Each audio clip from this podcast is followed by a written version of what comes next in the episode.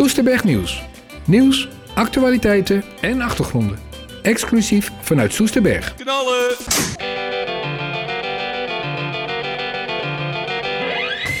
En het is na het nieuws. En dat betekent dat, luisteraars, dat we gaan beginnen met Soesterberg Nieuws. Want het is vrijdagmiddag en het is zes uur, althans even na zessen. En dat betekent dat wij in gesprek gaan met mensen uit Soesterberg. En vandaag hebben wij eh, straks een aantal mensen die iedereen kent. Maar ik vul eerst even het nieuws aan. En het nieuws van Soesterberg dat gaat om het volgende. Eh, de Winkelmanstraat. De bewoners daar die werden verrast door een heel groot bord dat er binnenkort ernstige verkeershinder gaat ontstaan. Ja, de redactie van Soesterberg.nu zou de redactie van Soesterberg nu niet zijn als daar meteen, eh, toen bleek dat niemand er iets van wist, actie werd genomen richting het gemeentehuis in Soest. En wat blijkt? Ja, het bord is gewoon, heeft een verkeerde tekst. Hoe kun je het bedenken? Maar echt waar, er staat een verkeerde tekst op. En volgens de gemeentelijke woordvoerder kunnen de bewoners van de Rademakersstraat binnenkort een brief ontvangen. waarin zij eh, horen en zien dat wat de echte tekst is en wat de echte verkeershinder is. En wat blijkt, het valt allemaal wel mee. Want wat er gaat gebeuren, er wordt zo her en der een stuk waterleiding vervangen. Dan als u het weekend met uw fiets in de aanslag staat en denkt van waar ga ik naartoe fietsen, blijf vooral in en om de buurt van Soesterberg. Want wat blijkt? De vliegbasis Soesterberg, dan, die weet u, die is al sinds 15 eh, december 2017 eigendom van het Utrechts Landschap. Daar, gaat een, uh, daar gaan de gidsen van het Utrechts Landschap de komende maanden, en dat duurt tot en met oktober, met u mee op een fietsexcursie van tenminste 10 kilometer over het park Vliegbasis Soesterberg. En dat betekent dat je dus heel veel, heel lang kunt fietsen en gewoon op de vliegbasis blijft. En de fietsexcursie Historie Vliegbasis, want zo heet die fietsexcursie, gaat iedere eerste en derde zaterdagmiddag van de maand plaatsvinden. Dus neem je fiets mee aanstaande zaterdag 2 juni of op een volgende zaterdag. En dan uh, ga je 2,5 uur heerlijk fietsen en het is dik de moeite waard. Goedemiddag, Soesterberg. Het is 31 mei. We gaan zoals gebruikelijk weer even terugblikken op de week. Maar ook onderwerpen waar we de afgelopen week aandacht aan hebben besteed. Op 1 en 2 juli zal in de Flint in Amersfoort een bijzondere rockmusical Rent te zien zijn. Nu zult u denken, wat heeft de Flint met Soesterberg te maken? Nou, de reden is dat Jacqueline van Breda uit Soesterberg mee gaat spelen. Dus heeft u interesse, dan kunt u nog steeds tickets verkrijgen bij bruineberg.nl. En dan de Zeiste aan de overkant van de A28. Die worden druk bezocht door wandelaars, fietsers, mountainbikers, paardrijders, hondenbezitters. Voor veel hondenbezitters uit Soesterberg is het een verwelkoming om een geliefde viervoeter onder appel te laten genieten van prachtige natuurschoon. Maar volgens enkele enthousiaste hondenbezitters zijn er behoorlijk veel irritaties over eigenaren die het niet zo nauw nemen met de omgangsregels in het prachtige bosrijk. Jonge honden worden steeds vaker dupe van blaffende en maar ook helaas bijtende honden. In een uitzonderlijk geval nemen zelfs de opgejaagde jonge viervoeters de benen richting de snelweg met alle gevolgen van dien. Wanneer we deze opmerkelijke groep hondeneigenaren aanspreken over dit soort irritaties, dan is men van geen kwaad bewust. Ook de recreatieve mountainbiker moet het de laatste weken ontgelden, want professionele mountainbikers gaan met een behoorlijke snelheid over het parcours en zijn al gauw geïrriteerd als er een oppelstopping ontstaat door een langzaam rijdende fietser. We hebben ons laten vertellen dat het Utrechts Landschap de eigenaar en beheerder van het bos aan de overkant van de A28 het een kwalijke zaak vindt. Ze gaan daarom de aankomende week polshoogte nemen samen met handhaving. En afgelopen week hadden we natuurlijk ook nog de 65e editie van de avondvierdaagse. Een record aantal deelnemers van maar liefst 500 gingen langs de bospaden en over de vliegbasis en de vlasakkers. Over en weer waren er complimenten, ook voor de organisatie. Soesterberg kan terugkijken op een geslaagde vierdaagse. En afgelopen week had de basisschool de Postillon de wethouder Harry Dijkhuizen op bezoek. Want er wordt op dit moment nagedacht over plannen voor een nieuw schoolgebouw voor de basisschool. Alle leerlingen van groep 7 en 8 die konden meedenken over een nieuw schoolgebouw. En als laatste hadden we nog de Soesterbergen Inno Rutting, die de afgelopen week de strijd aanging om 360 kilometer te fietsen voor het goede doel. De sportieve veteranen Inno en Raymond, beide lid van het Nederlandse veteranen search team, gingen met een stokoude tandem, een opgeknapte tandem uiteraard, gingen ze van Zeedorf, Duitsland helemaal naar Doren. Uiteindelijk hebben ze eindstreep gehaald en hebben ze van maar liefst 4117 euro binnengehaald voor het goede doel. Maar later in de uitzending komen we daarop terug met een live verslag. En dan hebben we natuurlijk nog de donderdag, hemelvaart. Hemelvaart is eigenlijk de gebruikelijke dag om te gaan douwtrappen. En waar komt douwtrappen vandaan? Douwtrappen is eigenlijk in Nederland de term voor een gewoonte om in het voorjaar vroeg op te staan en vervolgens een wandeling of fietstocht te maken in het buitengebied. Want in alle vroegte, daar ligt dauw op het gras. En dan zou je zeggen, wat is nou zo bijzonder aan dauw op het gras? Nou, in de 19e eeuw dacht men dat het dauw op het gras een zuiverende werking had. Maar het dauwtrappen komt eigenlijk op hemelvaart alleen nog in het oosten van Nederland en Noord-Holland voor. Maar hemelvaart brengt ook nog meer goed. Want het is eigenlijk een verlengd weekend. Want de meeste mensen nemen op vrijdag vandaag vrij. Dus bij deze alvast een fijn weekend en we gaan naar de muziek.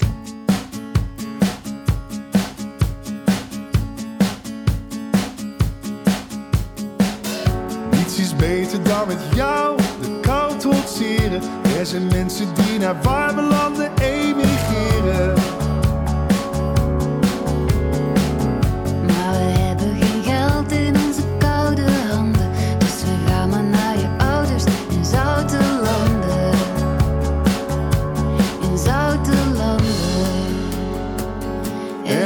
En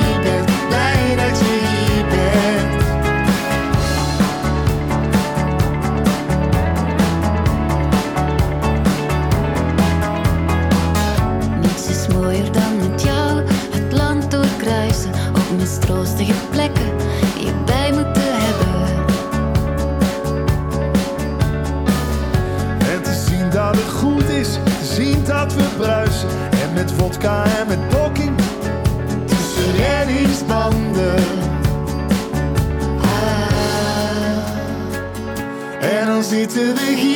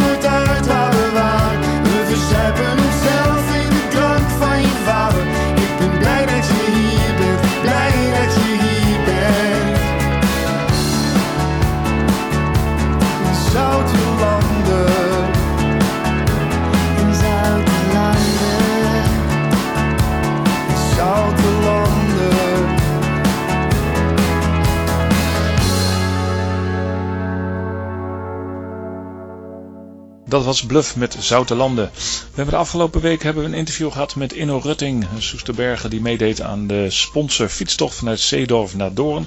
Ze hebben uiteindelijk 4100 euro binnengehaald. En we gaan even luisteren naar een klein verslag van de dag. Goedemiddag, welkom bij de basis en bij het Veteraneninstituut, die eh, de grootste huurder is van dit prachtige gebouw. Ik ben Rudy de Vos, directeur van het Veteraneninstituut. En eh, ik sta niet altijd in dit pak, dat weten jullie, de meesten kennen mij zonder dit pak. Een van de motto's die ik hanteer is dat het wordt eh, pas leuk als het lang duurt. En ik denk dat dat ook van toepassing is op hetgene waar we hier voor staan. Eh, terwijl het talkpoeder bij sommigen nog uit de broekspijp omlaag eh, krult, u dat denk ik dat we kunnen zeggen dat we hier toch wel een opmerkelijke bijeenkomst hebben voor een opmerkelijke prestatie. Het was eh, de eerste dag vooral, dat was het zwaarste. De tweede dag viel eigenlijk voor iedereen heel erg mee. Ze hebben echt, eh, volgens mij bijna 150 kilometer gefietst. En geen eh, pannen gehad, geen lekker Ja, band? jawel. Nou, geen lekke banden. Eh, wat hadden we eigenlijk allemaal? Oh ja, de, bij ons de lagers eh, gingen eruit van de achterwiel. En toen vlogen de spaken om de oren van degene die achter ons fietste. De voorwiel problemen gehad. Ja, die was ook eh, kapot. En dat had ook een ander. We hebben geen enkele lekke band gehad, alleen maar van dat soort heftige technische dingen. En geen middelen bij je? Geen reserve? Ja, ja, tie-rips. We zijn bij lokale fietsenmakers hebben gewoon gezegd wie wat we zijn. Tenminste, we hadden een, een team die vooruit ging. Dus een eh, veegwagen, zeg maar, eh, die ook alles voor ons regelde qua eten en eh, ook voor de massage, contact met elkaar. En eh, dan gaan we staan en dan gingen zij vooruit om voor een wiel te kijken. Ja. En nou ja, goed, die regelden we wel dat we een wiel kregen van zo'n fietsenmaker. Die sponsort dan ook echt. Dus we hebben niks gekocht, we hebben alle dingen gekregen, zeg maar. Als tweedehands of zo, maakt niet uit, maar dat ging allemaal zo goed. En weet je al wat er onderaan de streep is? Nee, dat krijgen we zo meteen nog te te horen. Ja. Oké, uitrusten nu? Ja, nou, we gaan eh, Eerst feest vieren. eerst feest vieren, ja. En dan eh, zien we weer. Leuk. Hoeveel kilometer was het per dag? 150, 160 kilometer? Eh, we hebben vol, ja, ik weet niet precies. We- ik weet alleen dat we twee dagen 150 hebben gehad. En de eerste 135, 140. 120 gemiddeld. En, eh, en dan de laatste rug, ja. ja. Maar- weer gehad of niet? Nee, nee. In maar eh. Duitsland hebben we geen regen gehad, maar vooral veel wind. Alleen maar tegenwind. Echt heel hard. Dat was echt vervelend. En eigenlijk vandaag voor het eerst alleen maar regen gehad. Maar dat is morgens om uur 7 opstaan of, of 6 uur? Nee, half vijf, vijf uur. Ja. Oké, en dan tot uh, zonsondergang doorfietsen? Eh, nou ja, we hebben zo gemiddeld 14 à 15 uur gefietst geloof ik per dag. Oké. Ja. ja. En het was alleen maar, niemand heeft ervoor getraind of wat dan ook, echt niemand. Dus we gingen puur op, eh, op onze oude veteranen, mentale kracht, eh, hebben we het allemaal gedaan. En elkaar opgejaagd van kom op jongens, doorgaan, doorgaan. Oh, jullie waren met z'n vieren? Ik dacht met z'n Eh, drie tweeën. tandems. Oh, drie tandems. Drie Oké. tandems, ja. ja. Oké. Ja, mijn tandem, mijn tandem is ook echt eh, helemaal stuk. Eh, eh, ik heb één rem had ik maar. Die andere was kapot gegaan. Mijn stuur zit los. En slapen in een hotel? heel Nee, luxe natuurlijk, vijf sterren met massage. we hebben Oh, alleen op camping. campings gestaan en wel een paar tentjes. Nee, ja, de hond met de auto mee rijden en dan, en dan s'avonds in de tent.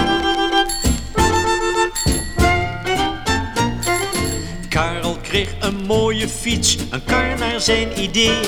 En pa zei zeker honderd keer, wees er voorzichtig mee. Maar Karel die een oogje had op Ans, een muloster, stond de andere morgen voor haar deur en zei met heel veel air.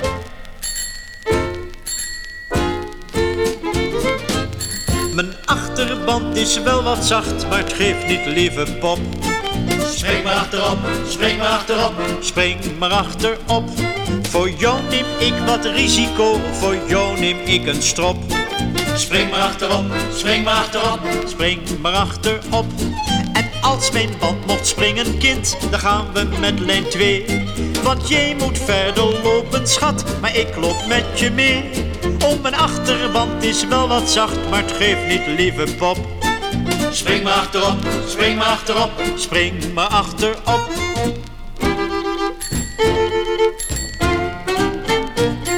Later ging hij naar het stadhuis en Ans ging met hem mee.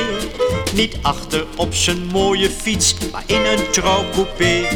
En reed hij soms op weg naar huis, zijn vrouw nadien voorbij. Stond hij met één pedaaltrap stil en zei hij altijd blij.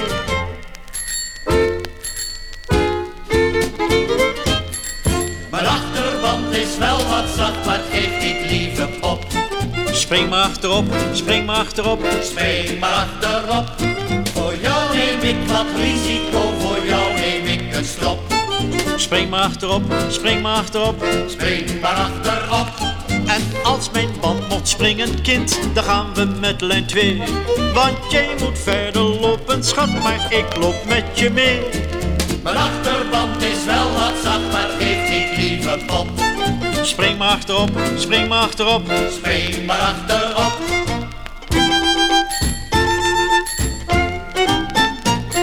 Zo verstreek een ingeluk voor beiden menig jaar. En Ansje die nu Anna heet, is eens zo dik en zwaar. Ze zit nog wel eens achterop, maar toch zo vaak niet meer. Want als ze er maar over spreekt, dan hoort ze iedere keer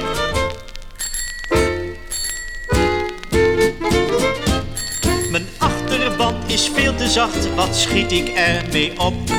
Spring niet achterop, spring niet achterop. Spring niet achterop, wat heb ik aan het risico? Bezorg me nu geen strop.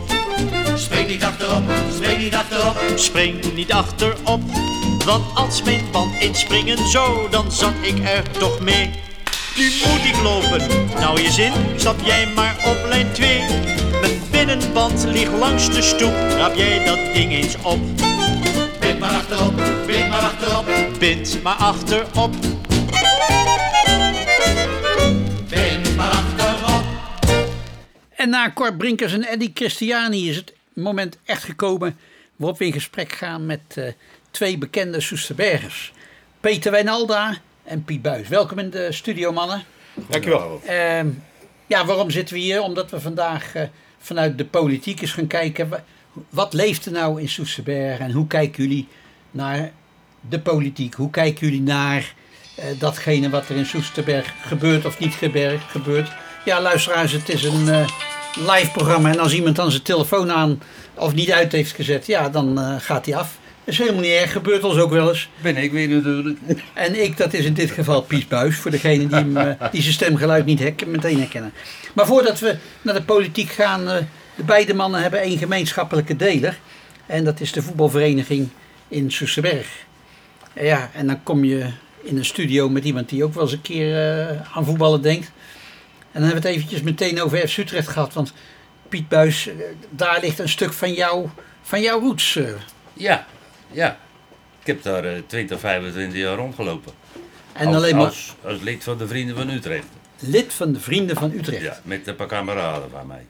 En als je nou uit die periode eens denkt aan de meest, ja, meest bijzondere ervaring die je hebt gehad. Want er is ja, mensen van vandaag de dag die nu jong zijn, die weten niet wat er, gis, wat er vroeger allemaal in Utrecht kon gebeuren en ook werkelijk gebeurde. En als, als dat vandaag de dag gebeurt met 46 camera's erop, dan speelt FC Utrecht geen wedstrijd meer. Maar eh, wat is er zo al vroeger gebeurd? Eh, Wat springt jou meteen in gedachten? Nou, ik weet nog eh, dat ze voor de UEFA-beker tegen Real Madrid moesten. En wij stonden boven. En Real Madrid kwam met de bus aan. Allemaal netjes in het pak. Netjes in het pak van, eh, dat gaan we wel even doen. Maar toen kregen ze klop. En dat was wel leuk. Je kent de uitslag nog? 1-0. Ik dacht 1-0. Ik, ik weet, Weet, niet je nog wie hem gemaakt heeft? Nee, Marco nee. Capot? dat zou zomaar kunnen. Ik denk Marco Cabot. Ja, dat zou zomaar kunnen. Eh, inmiddels geen FC Utrecht meer. Eh, want je vertelde, en de- ja, de huidige mensen van FC Utrecht, die, eh, dat gruwelt als ze dat horen. Maar je bent heel gelukkig met de, de, Met de manier waarop wordt gespeeld. Nee, ik vind het niet leuk. Nee, en vooral de afgelopen jaren niet. Ik vond eh voor mij niet de moeite om erheen te gaan. En wat moet er veranderen bij die, in die speelstijl om... Nee, Jou weer enthousiast te specifiek om een, om, een speelstijl. Maar als je de wedstrijd tegen Vitesse uitneemt, kijk, dan wordt er gevoetbald. Daar gaat het om. Dan is het weer ouderwets voetballen. Ja, Dan is het... eh, mouwen opgestroopt en er tegenaan. Zo is het. Andere voetballer die hier ook zit, nou voetballer, ex-voormalige voetballer, Peter Wijnalda. Hij is bij de politieke partij Burgerbelangen Soes Soesterberg is hij voorzitter van die partij en hij is ook fractieassistent van, eh, van Johan Baks. Wat is jouw voetbalervaring, eh, Peter? Nou, ik, in, in, mijn jeugdjaar heb ik in, eh, in Groningen zelf eh, gevoetbald. eh, als, als, als een verdediger. Ik had nogal stevige benen en dat vonden de Kom je, tegenstander... niet, kom je niet omheen, hè? Nee, nee, je kwam er niet omheen. Een doelpunt nooit gescoord. Maar in Soesterberg heel veel bij de voetbalvereniging Vliegdorp met liefde en plezier gedaan. vooral met de jeugd bezig geweest. Scheidsrechter, jeugdtrainer, begeleider. Ook wat bestuurlijke taken gedaan samen met een aantal mensen. Dus dat is een hele mooie eh, tijd geweest. Maar er zijn nu nieuwe mensen en die doen het goed. Dus eh, laat ook vooral hun, eh, hun werk doen. En dan kan ik me weer bezighouden met andere dingen. En dat andere bijvoorbeeld overdag, dan ben je nog gewoon in dienst. En soms 's avonds, soms 's nachts. Want wat is je beroep? Ik ben brandweercentralist. Ik werk op de meldkamer in de kleine regio Gooi en Vechtstreek. Eh, onze meldkamer zit in Naden. We gaan straks samen met de meldkamer van de VRU in Utrecht. Voor eh, ook dit gebied en samen met Flevoland. En daar eh, behandelen wij eh, alle 112 meldingen die er voor de brandweer binnenkomen. Dat doen we in gezamenlijkheid samen met de politie en de ambulance. Wij ondersteunen de ambulancediensten. En wij begeleiden de auto's en de jongens naar de brandadressen. En daar waar nodig, dan bieden wij hun hulp aan. Dus dat is eigenlijk ons werk. Dus de 112 melding, tot het moment dat het brand uit is, proberen wij vanuit een meldkamer te begeleiden. Krijgen jullie ook wel eens hele gekke meldingen binnen? Ja, ja eh, misschien een heel leuk voorvalletje. Jaren geleden dat wij midden in de nacht eh, zaten. Het was eigenlijk niks te doen, dus we zaten gezellig met elkaar even te kletsen. Gaat de telefoon bij de, bij de brandweer. En eh, ik neem de telefoon op en die meneer die zegt ik wil een overlast melden. Nou, als je een overlast wil melden moet je niet bij de brandweer zijn, maar dan moet je bij de politie zijn. Maar die meneer die was niet willend om te wachten, dus ja, hij had geluidsoverlast. Nou, wij, eh, omdat wij echt heel goed samen kunnen werken, doen wij dan gelijk de melding voor ze aanmaken. En toen zeg ik, meneer, waar bestaat dan de overlast uit? Hij zegt, over het loeien van koeien. En dat zijn de, de leukste meldingen. En dat breekt heel erg goed je nacht. Ja, de nacht is toch gelukkig het moment dat de meeste mensen toch wel slapen. Ja. Dus eh, dan zijn dit wel de hele leuke meldingen. Je hebt toch ook een liedje gemaakt? Een liedje? Ja. Brand, brand in bordeel. Ja, dat, maar dat is een heel andere liedje. Oh, dat is een heel ander liedje. Ja, ja er, zijn de leukere, er, zijn, er zijn de leukere de meldingen. En natuurlijk als er eh, een echte brand uitbreekt en helemaal als er mensen bij betrokken zijn. Ja, dat is natuurlijk verschrikkelijk. Het is heel belangrijk dat jullie dat werk doen. Maar dat kan natuurlijk nooit een leuke anekdote opleveren. Dat levert alleen maar trieste gebeurtenissen Ja, ja, ja. Ehm, even naar jou, Piet Buis. Je hebt, ja, je, je hebt een frietkar gehad, vertelde je? Als hobby, ja. Als hobby. Die hebben ze gestolen. En hè, wat heb je toen met die melding gedaan? Bij wie heb je die melding neergelegd? Nee hoor, nee hoor. Gewoon bij de politie. Gewoon met de politie. En die frietkar is nooit meer teruggevonden? Nee, die is nooit meer teruggekomen. Triest. Ja. We zouden het hebben over de politiek. Ja. Ehm, we gaan zo eens even kijken hoe jullie in die politiek terecht zijn gekomen. Maar ik denk dat het ook een goed moment is, eh, en ik kijk even naar onze technicus Bernard, om gewoon eens ook een stuk muziek te draaien. Eh, en ik denk dat een mooi nummer als eh, Harry Slinger en het Nederlands elftal, want we hebben het net over voetballen gehad. Absoluut ja, dan mooi moet je natuurlijk naar Harry Slinger. Het Nederlands elftal.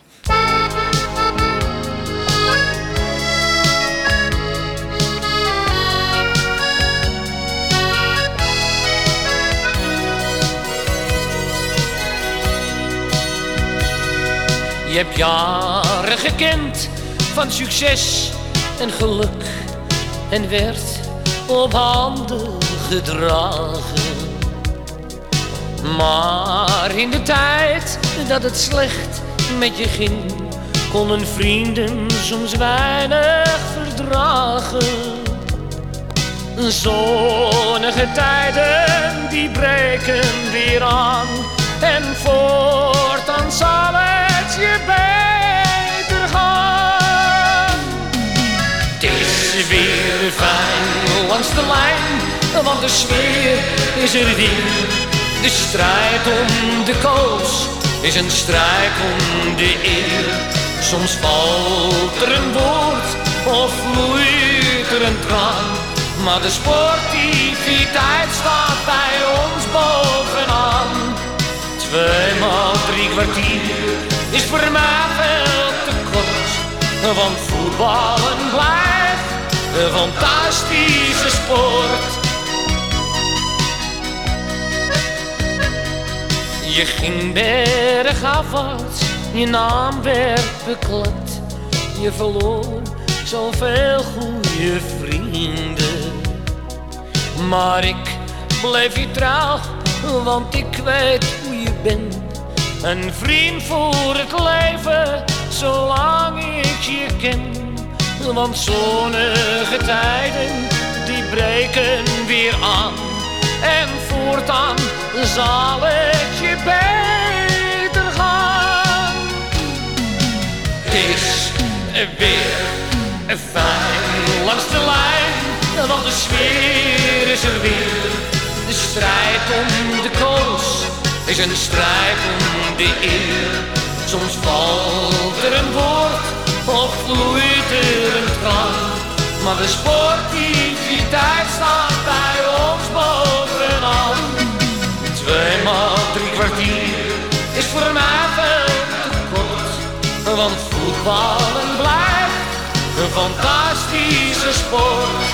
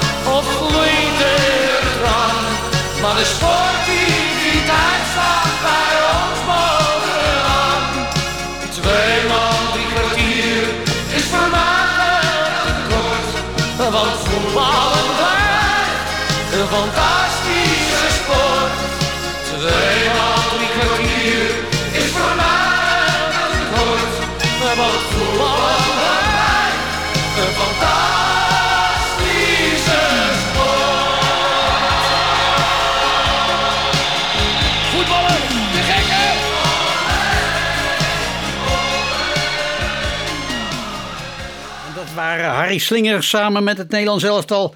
Werd gezongen over voetbal. Ja, dat zo'n nummer moet je draaien als je het net even een paar minuten over voetbal hebt gehad. Maar we gaan naar een veel serieuzer onderwerp en dat is de politiek. Ehm, in dit programma, mannen, eh, hebben we altijd een politicus of een politica in de uitzending.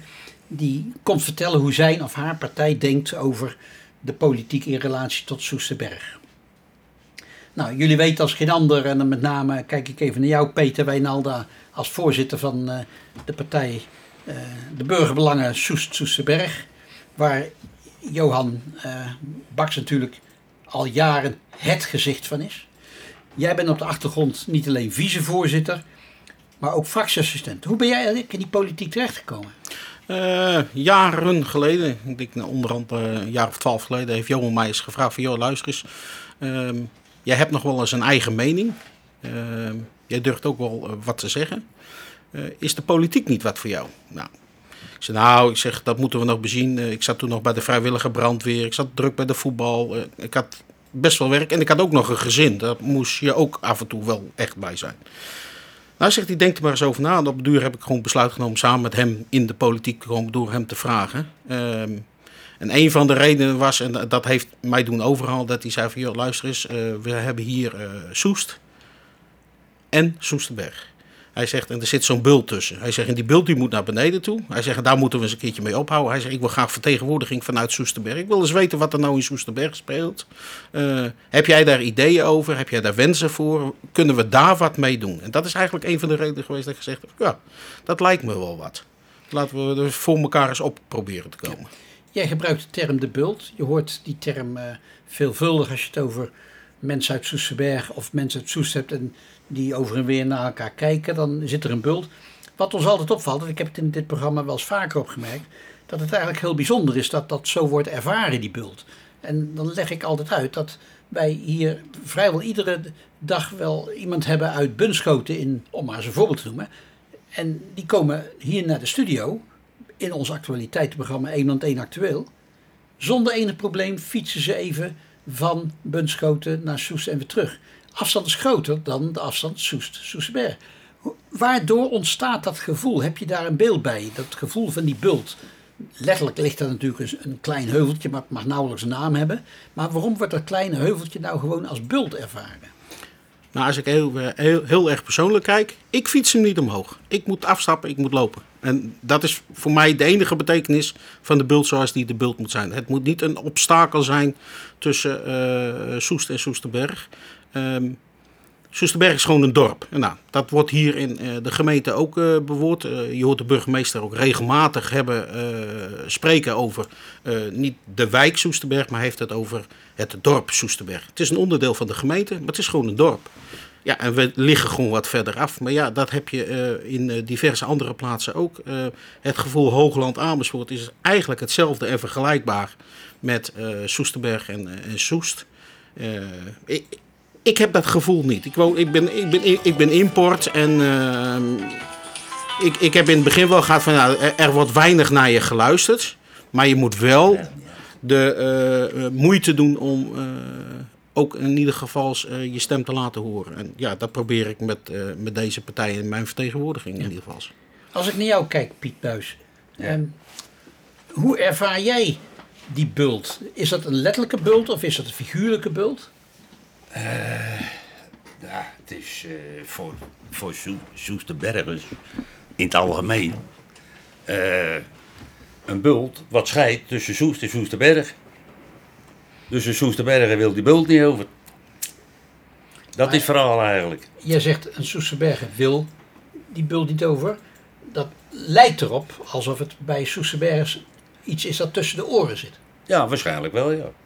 En hoe is En dat, en dat kan in het verleden zijn ontstaan, dat weet ik dus Nou, ook dat, niet. dat wou ik je net Ja, vragen. Hoe, hoe is dat dan ontstaan? Ja, dat- ik heb geen idee. Want ik ben geen echte Soesterberger. Dus van heel vroeger weet ik dat niet. Maar bijvoorbeeld, ik kom eergisteren het dorp inrijden, staan die lichtbakken, weet je wel. En er staat erop, staat erop welkom in Soest. Volgens mij reed ik Soesterberg binnen. Volgens mij, al- volgens mij wel, Dat zegt al heel veel. ja. Ja. Ehm, wat kun je nou als politieke partij, hè, want eh, ik begrijp van jou Peter dat eh, ooit Johan Baks vroeg van, aan jou vroeg van, goh, ik wil, eh, daar, ik wil die brug kunnen slaan. Wat kunnen politieke partijmensen, of dat nou in dit geval is het dan Burgerbelangen, Soes Soesterberg, maar ook andere partijen, wat kunnen die partijen nu doen om die, ja, om die twee groepen mensen toch dichter bij elkaar te brengen? Ah, ik denk dat je ehm, eh, in ieder geval moet gaan eh, beginnen met eh, in gesprek gaan met die mensen. Wat is nou eigenlijk het probleem? Ik woon er nu sinds 86.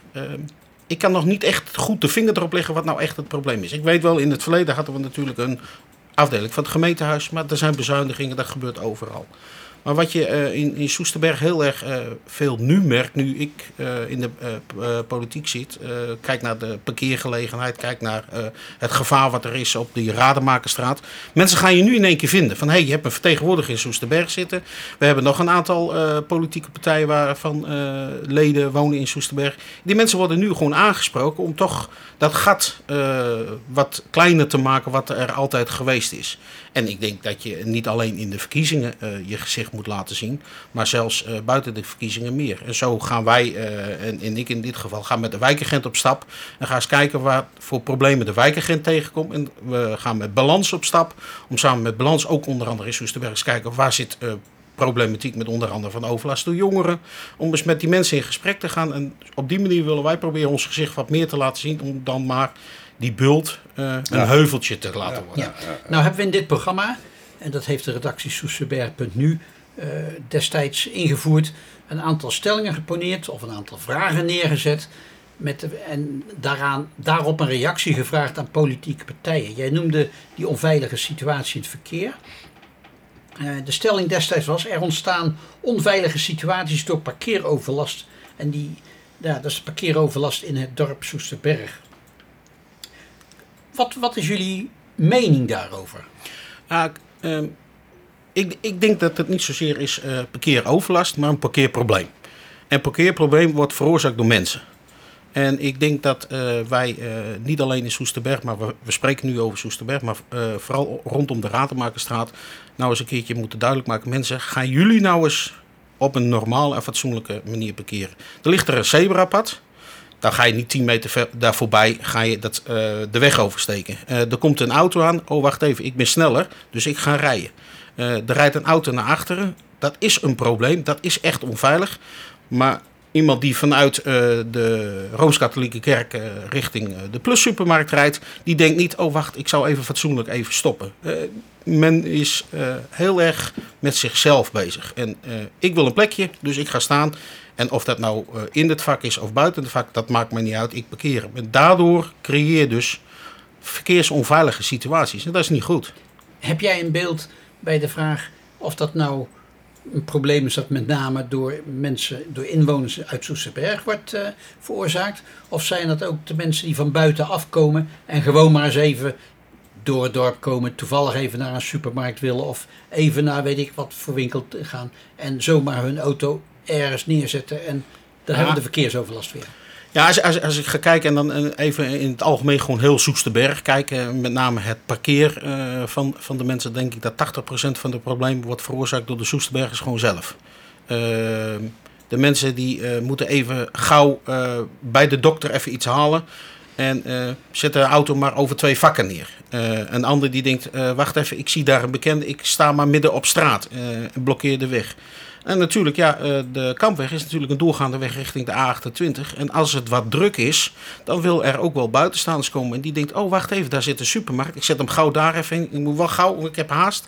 En die parkeert hem ook. Ook die mensen zijn er. Maar ik denk dat 80% gewoon de Soesterberger zelf is. Wat, wat kun je nou als politiek doen om dit soort vormen van overlast ja, te beperken? Ja. Dat is heel moeilijk.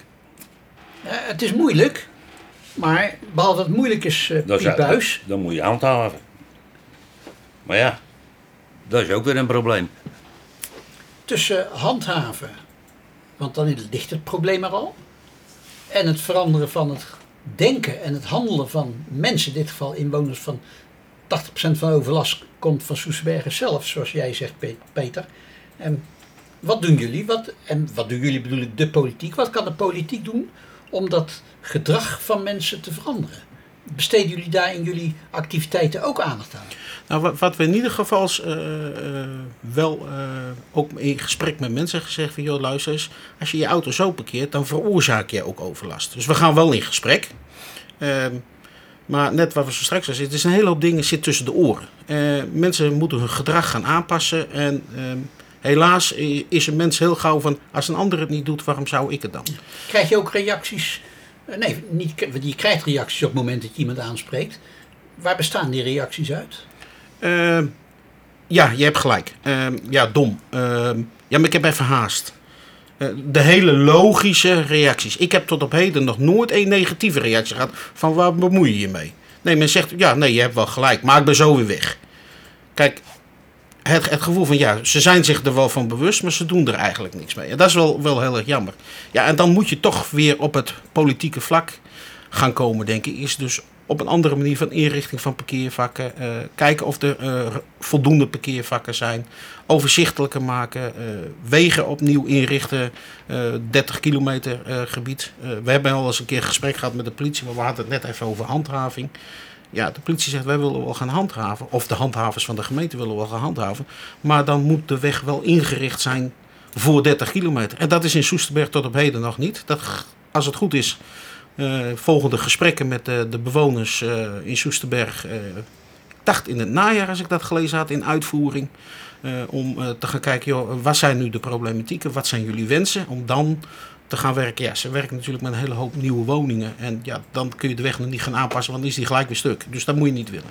Dus ik denk dat er wel vaatachtig gezet wordt. Er begint iets te veranderen in het denken van mensen. Dat hoor Ja, ik jou ja, zeggen. ja. Je, je, je merkt wel dat eh, mensen wat anders gaan denken. Eh, in bepaalde wijken zet men de auto's toch wat strakker tegen een muurtje aan. Ze staan niet in de vakken, maar ze staan netter. Ja. Dat scheelt toch een hele hoop.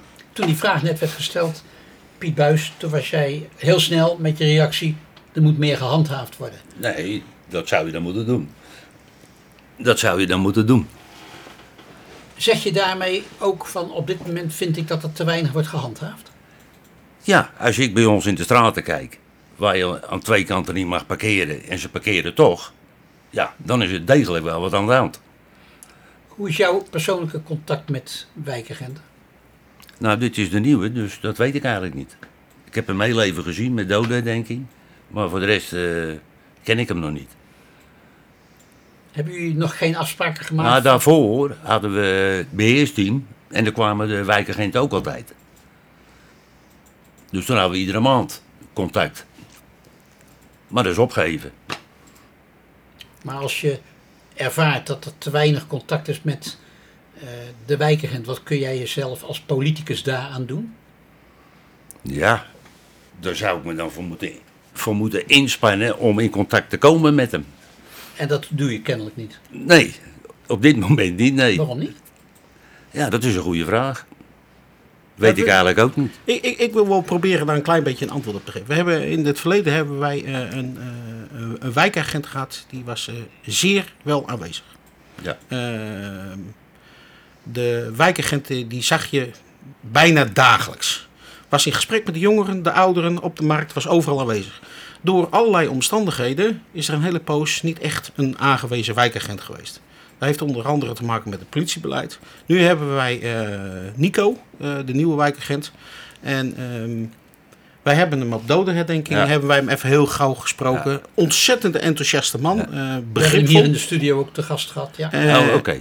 Ik, ik heb nu zelf eh, met hem, eh, omdat ik natuurlijk ook uit die hulpverleningswereld kom, eh, op een andere manier eens met hem gesproken. En hij heeft toen ook aangeboden, ga eens met me mee.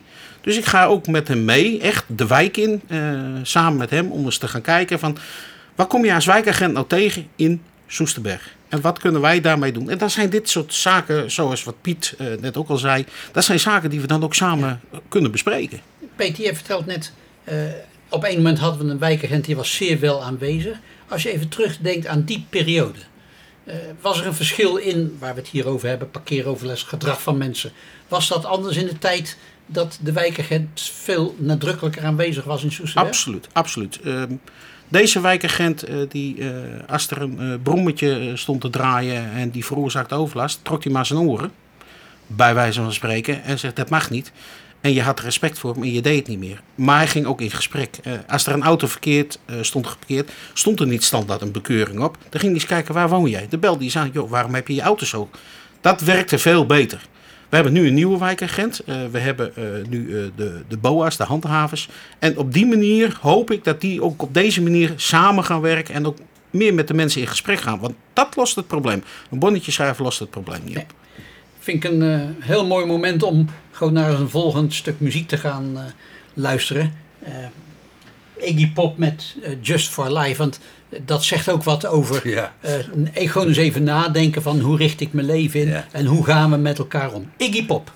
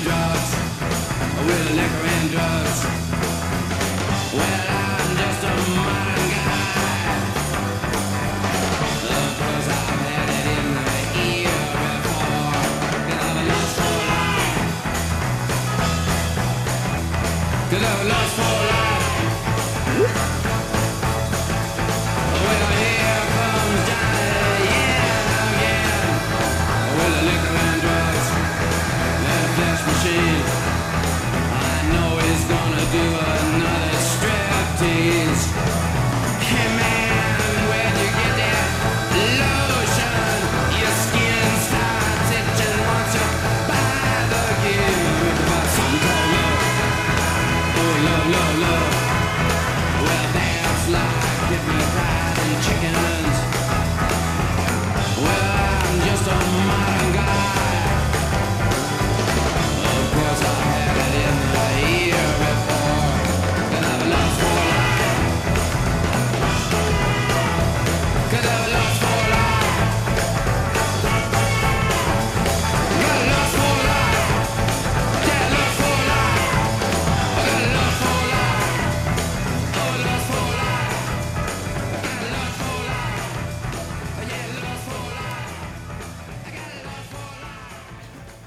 Met Just for Life. We hebben het gehad over verkeersproblemen. En eigenlijk de boodschap was, dat zit tussen de oren bij mensen. Het heeft heel veel te maken met gedrag. Ehm, we gaan eens een mooi bruggetje maken naar een heel ander onderwerp. En dat is de, eigenlijk de vraag, en dan kijken we naar de jongeren van ons in ons dorp. Eh, In hoeverre is er nou voldoende te doen voor jongeren aan activiteiten tussen 12 en, en pakweg 24 jaar, de echte jongeren?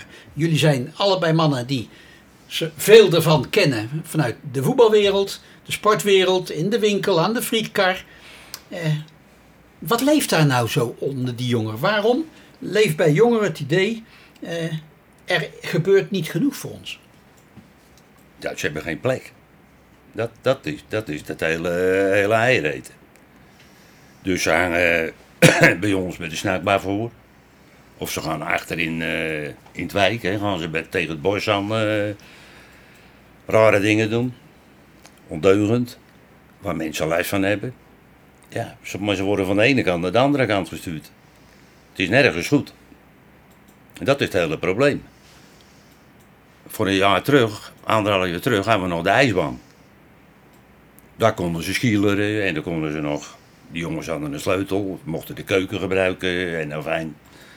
Niks aan de hand. We- Ze houden het keurig bij, omdat van, van hunzelf ook was. Maar eh, ja, dat is er ook niet meer. Er is eigenlijk, op dit moment, is er helemaal niks. En wat kan er gebeuren en door wie om dat weer terug te brengen? Nou ja, de gemeente zegt, er wordt nu gebouwd op de Eibaan. Er komt een flatgebouw en daaromheen komt een groot plein. Waar dan de activiteiten plaats kunnen vinden. Maar dat wil ik eerst allemaal nog wel eens zien. Of dat allemaal zo komt en gaat. Ik heb het bestemmingsplan niet. Ja, het komt er. Maar als je daar iets wil doen, nou, dan komen we dus eh, bij de vergunningen terecht. En de wet, dan kan je er eigenlijk niks doen. Eh, Ik denk dat het grootste probleem waar je, waar je tegenaan loopt eh, in, eh, in- in Soesterberg is dat je niet eigenlijk een, een centraal gelegen iets hebt.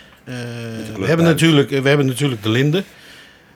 Maar dat is nou ook niet echt de locatie voor, voor de jongeren. Daar hebben wij ook altijd gezegd van jongens, dat moet je niet willen. Want als je iets voor jongeren wil doen, moet je dat centraal leggen. Ehm de jongeren moeten een plek hebben waar ze zich thuis voelen. Eh, ze moeten een plek hebben waar ze elkaar kunnen ontmoeten. Minder overlast kunnen veroorzaken. Dus dat is centraal. En als je het centraal legt, is het ook controleerbaar. Kijk, een wijkagent kan dus even naar binnen stappen. Stichting Balans kan eens een keer naar binnen stappen. We hebben een verbindelaar die kan er eens naar binnen stappen. Dus dat is het grootste probleem. En wat Piet zegt over eh, het, eh, het plein voor straks de nieuwe woning midden in het centrum. Ja, ehm, we weten allemaal, als jij een evenement wil organiseren, moet je een vergunning hebben. En als je een vergunning aanvraagt, zijn er altijd mensen die de eh, altijd. Er zijn mensen, je hebt de mogelijkheid om daar bezwaar tegen aan te tekenen. Wij hebben ook een beetje het gevoel dat dat wel eens zomaar zou kunnen gebeuren. En het idee en de gedachtegoed die erachter zit om daar diverse evenementen te organiseren, dat dat helemaal eigenlijk niet kan, omdat er te veel terechte, onterechte, maar er zijn bezwaren. En dan wil je dat risico niet lopen. En dan voelen de jongeren zich weer gedupeerd. En als je naar eh, jouw werk als, eh, als politicus kijkt, hè? je bent eh, Ja. ja, zeer nauw betrokken bij een Ja. partij die heel veel aandacht aan Soesterberg besteedt. In hoeverre kunnen jullie je politieke lijntjes, jullie politieke netwerk benutten om helderheid te krijgen in wat daar gaat gebeuren? Want het zijn toch, kijk, ambtenaren moeten weliswaar vergunningen beoordelen en aanvragen voor vergunningen beoordelen, maar het zijn de politici die bepalen wat er gaat gebeuren. Ja, dat klopt. En er zijn ook eh, een heleboel vergaderingen aan besteed hoor. En op een gegeven moment komt er uitrollen eh, vanuit de gemeente. eh, hier hebben we drie plaatjes en daar mogen jullie uit kiezen. Ja, er was bijna niemand die een van die drie plaatjes wou. Dus het probleem blijft. Kijk, het, eh, eh, eh, Maar niet, niet voor het bouwen hè, heb ik het over. hè. Ik heb het puur voor de evenementen. Want dat gaat om dat flatgebouw, je zal er maar wonen.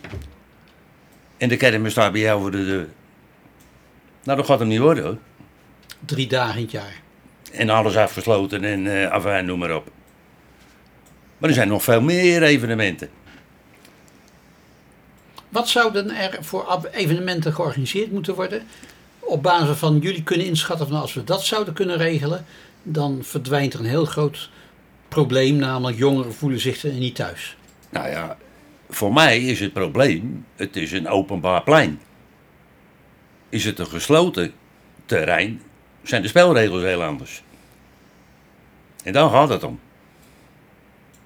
Kennen jullie in de regio gemeenten waar voor de groep waar we het hier over hebben, mensen tussen 14 en 24 jaar pakweg, waar die eh, aparte ruimtes wel bestaan? En hoe daar wordt ervaren eh, de al of niet aanwezig zijn van overlast?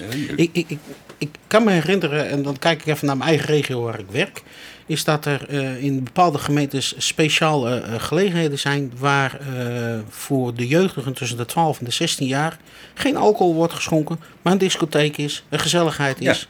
En dat is gewoon ontzettend, ontzettend leuk. En die kinderen die vinden dat ook leuk, die gaan er naartoe. Er zijn vaak grote groepen. Dat wordt dus wel georganiseerd. Kijk, Soesterberg is een heel klein dorp. En we moeten niet alles willen. Maar, Ja, maar eh, wa- wat we hadden, zou toch wel heel fijn zijn dat dat behouden eh, kon worden. En voor de jongeren, ja, eh, de jongeren hebben ook wel eens momenten gehad dat ze zeiden van, nou, we willen graag dit hebben, we willen graag dat hebben. En dan als het puntje bij paaltje komt, ah nee, eigenlijk toch maar liever niet. Dus wij willen ook echt in gesprek gaan met de jongeren van, jongens, wat willen jullie nou eigenlijk? Wat is voor jullie nou het hele belangrijke? Is dat nou, ik noem maar eens, een filmhuis?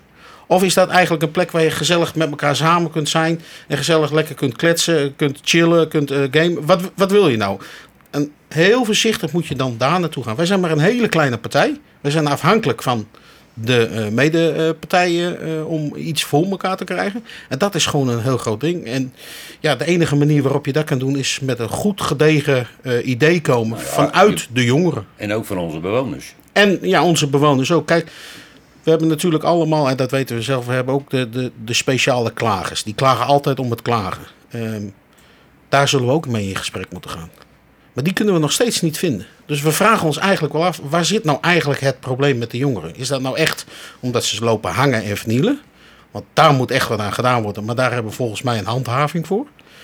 Of is het omdat jongeren eh, lopen lanterfanteren en eh, gewoon graag een plekje willen hebben Kijk, eh, gaan ze ergens zitten op het eh, vleugel eh, midden in het centrum. En ze worden dan door inwoners weggestuurd. Ja, dat moet je dan ook niet willen. Dus we willen echt daarmee in gesprek. Heeft BBS op dit punt hele concrete plannen om met die jongeren in gesprek te gaan? Ja. Ja, En hoe zien die plannen eruit? Kun je, kun je de luisteraars daar iets over vertellen? Ja, eh, ik heb eh, samen met een aantal eh, medegenoten zijn wij eh, bij Stichting Balans op werkbezoek geweest. We hebben daar met een aantal jongeren werken, eh, buurtcoaches gesproken.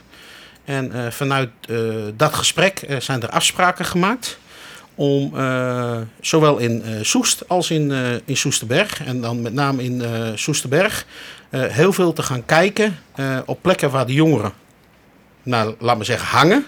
En daar is in gesprek te gaan met de jongeren van wat willen jullie eigenlijk en waarom zitten jullie hier. Dus we gaan samen met de jeugdwerker van Balans. En dat zal vermoedelijk in de maand juni, juli gaan gebeuren, want dan zijn echte vakanties ook. Er zijn natuurlijk altijd mensen op vakantie, maar de meeste jongeren zijn dan thuis en hebben eigenlijk niks te doen. En daarmee willen we dan gaan proberen gesprek. En dat gaat zeker een gevolg krijgen ook in de wintermaanden. Als het wat mooi weer is. Want ook dan, ondanks de kou, de jongeren hangen dan toch ook wel buiten.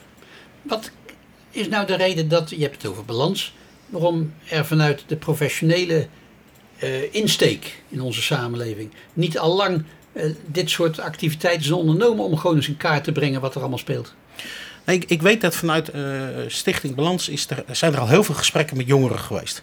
Eh, ook, ook luisteren naar die, naar die jongerenwerkers eh, hebben wij het gevoel en het idee gekregen dat ze echt goed hun best doen. Ja. Maar we weten allemaal wat sommige jeugdigen zijn. Van de hak op de tak. En de ene keer zeggen ze dit en dan hebben ze gesprek. Dan komen ze met ideeën van, nou jongens, zullen we dat gaan doen? Dan kunnen we dat met elkaar eens gaan bespreken. Kunnen we eens plannen gaan uitwerken. Ja, maar eigenlijk willen we dat ook nog wel. Ja, dan moet je weer opnieuw beginnen. Dus daar moeten we ook een, een, een weg in vinden. Nou zijn jullie allebei niet meer de allerjongste, maar ook nog geen senioren. Eh, was, is dit nou wezenlijk anders dan in de tijd dat jullie zelf eh, de leeftijd hadden die, deze jongeren van dit moment? Moet ik dat zeggen? Ja, je mag. Ik kon op straat eh, voetballen. Er kwam geen auto aan hoor. Nee, en, en, Dat, dat, dat is niet meer. en in, mijn, in, in mijn tijd, als eh, de buurvrouw zei... jongen, willen jullie met die bal weggaan? Dan ging je weg. Ja. En tegenwoordig is dat niet meer in de mogelijkheid. En dat is jammer. Ja, dat betekent dat er nog heel veel eh, water Ja, de- door de Rijn, en die stroomt niet langs eh Soesterberg, maar dan nog wat water door de Rijn gaat stromen voordat hier eieren over gelegd zijn. Ja, dat klopt. En dat betekent dat BBS, en ik kijk niet alleen naar BBS, maar alle politieke partijen in- de gemeenteraad van Soest, eh, nog heel goed moeten nadenken over datgene wat er aan, ja, aan ideeën leeft. Maar die moeten dan vervolgens ook wel concreet vertaald kunnen worden naar echte, Echte dingen. stappen. Ja, ja, Ja. ja. klopt. Nou, dat is in ieder geval een, eh, een taak die jullie jezelf eh, En dat Mogen- doen we, ook. mo- Ja, dat mogen doen we- toerekenen. Met plezier. En met jullie luisteraars bedoel ik eh, Peter Wijnalda en Piet Buis. Mannen, bedankt dat jullie eh, vanmiddag met ons heel veel over belangrijke zaken in de wereld, namelijk over Soesterberg en wat daar speelt, hebben gepraat. En we hebben natuurlijk ook even over de FC Utrecht gepraat. Maar ja, komende zondag hoeven we niemand geluk te wensen, want eh, die Nee. zijn er al uit. Ja. Die zijn al helemaal klaar, die gaan gewoon Europa in. Bedankt voor jullie komst. Geniet ervan. Nou, Vliegdorp zelf eh, zit ook niet in de na-competitie. Dus, nee, eh, nee, nee, nee. Zit even tegen. Helemaal tegen. Mannen bedankt. Luisteraars, wij gaan afronden. Een fijne avond. Een fijne avond voor iedereen. Wij gaan afronden. En dat betekent dat we volgende week rond een uur of zes, nee niet om een uur of zes, klokslag zes uur, weer de tune horen van Soesterberg Nieuws. Voor nu en nog eens wensen wij jullie vanuit de studio van Radio Soes een heel fijn weekend. Geniet ervan. Tot dan. Música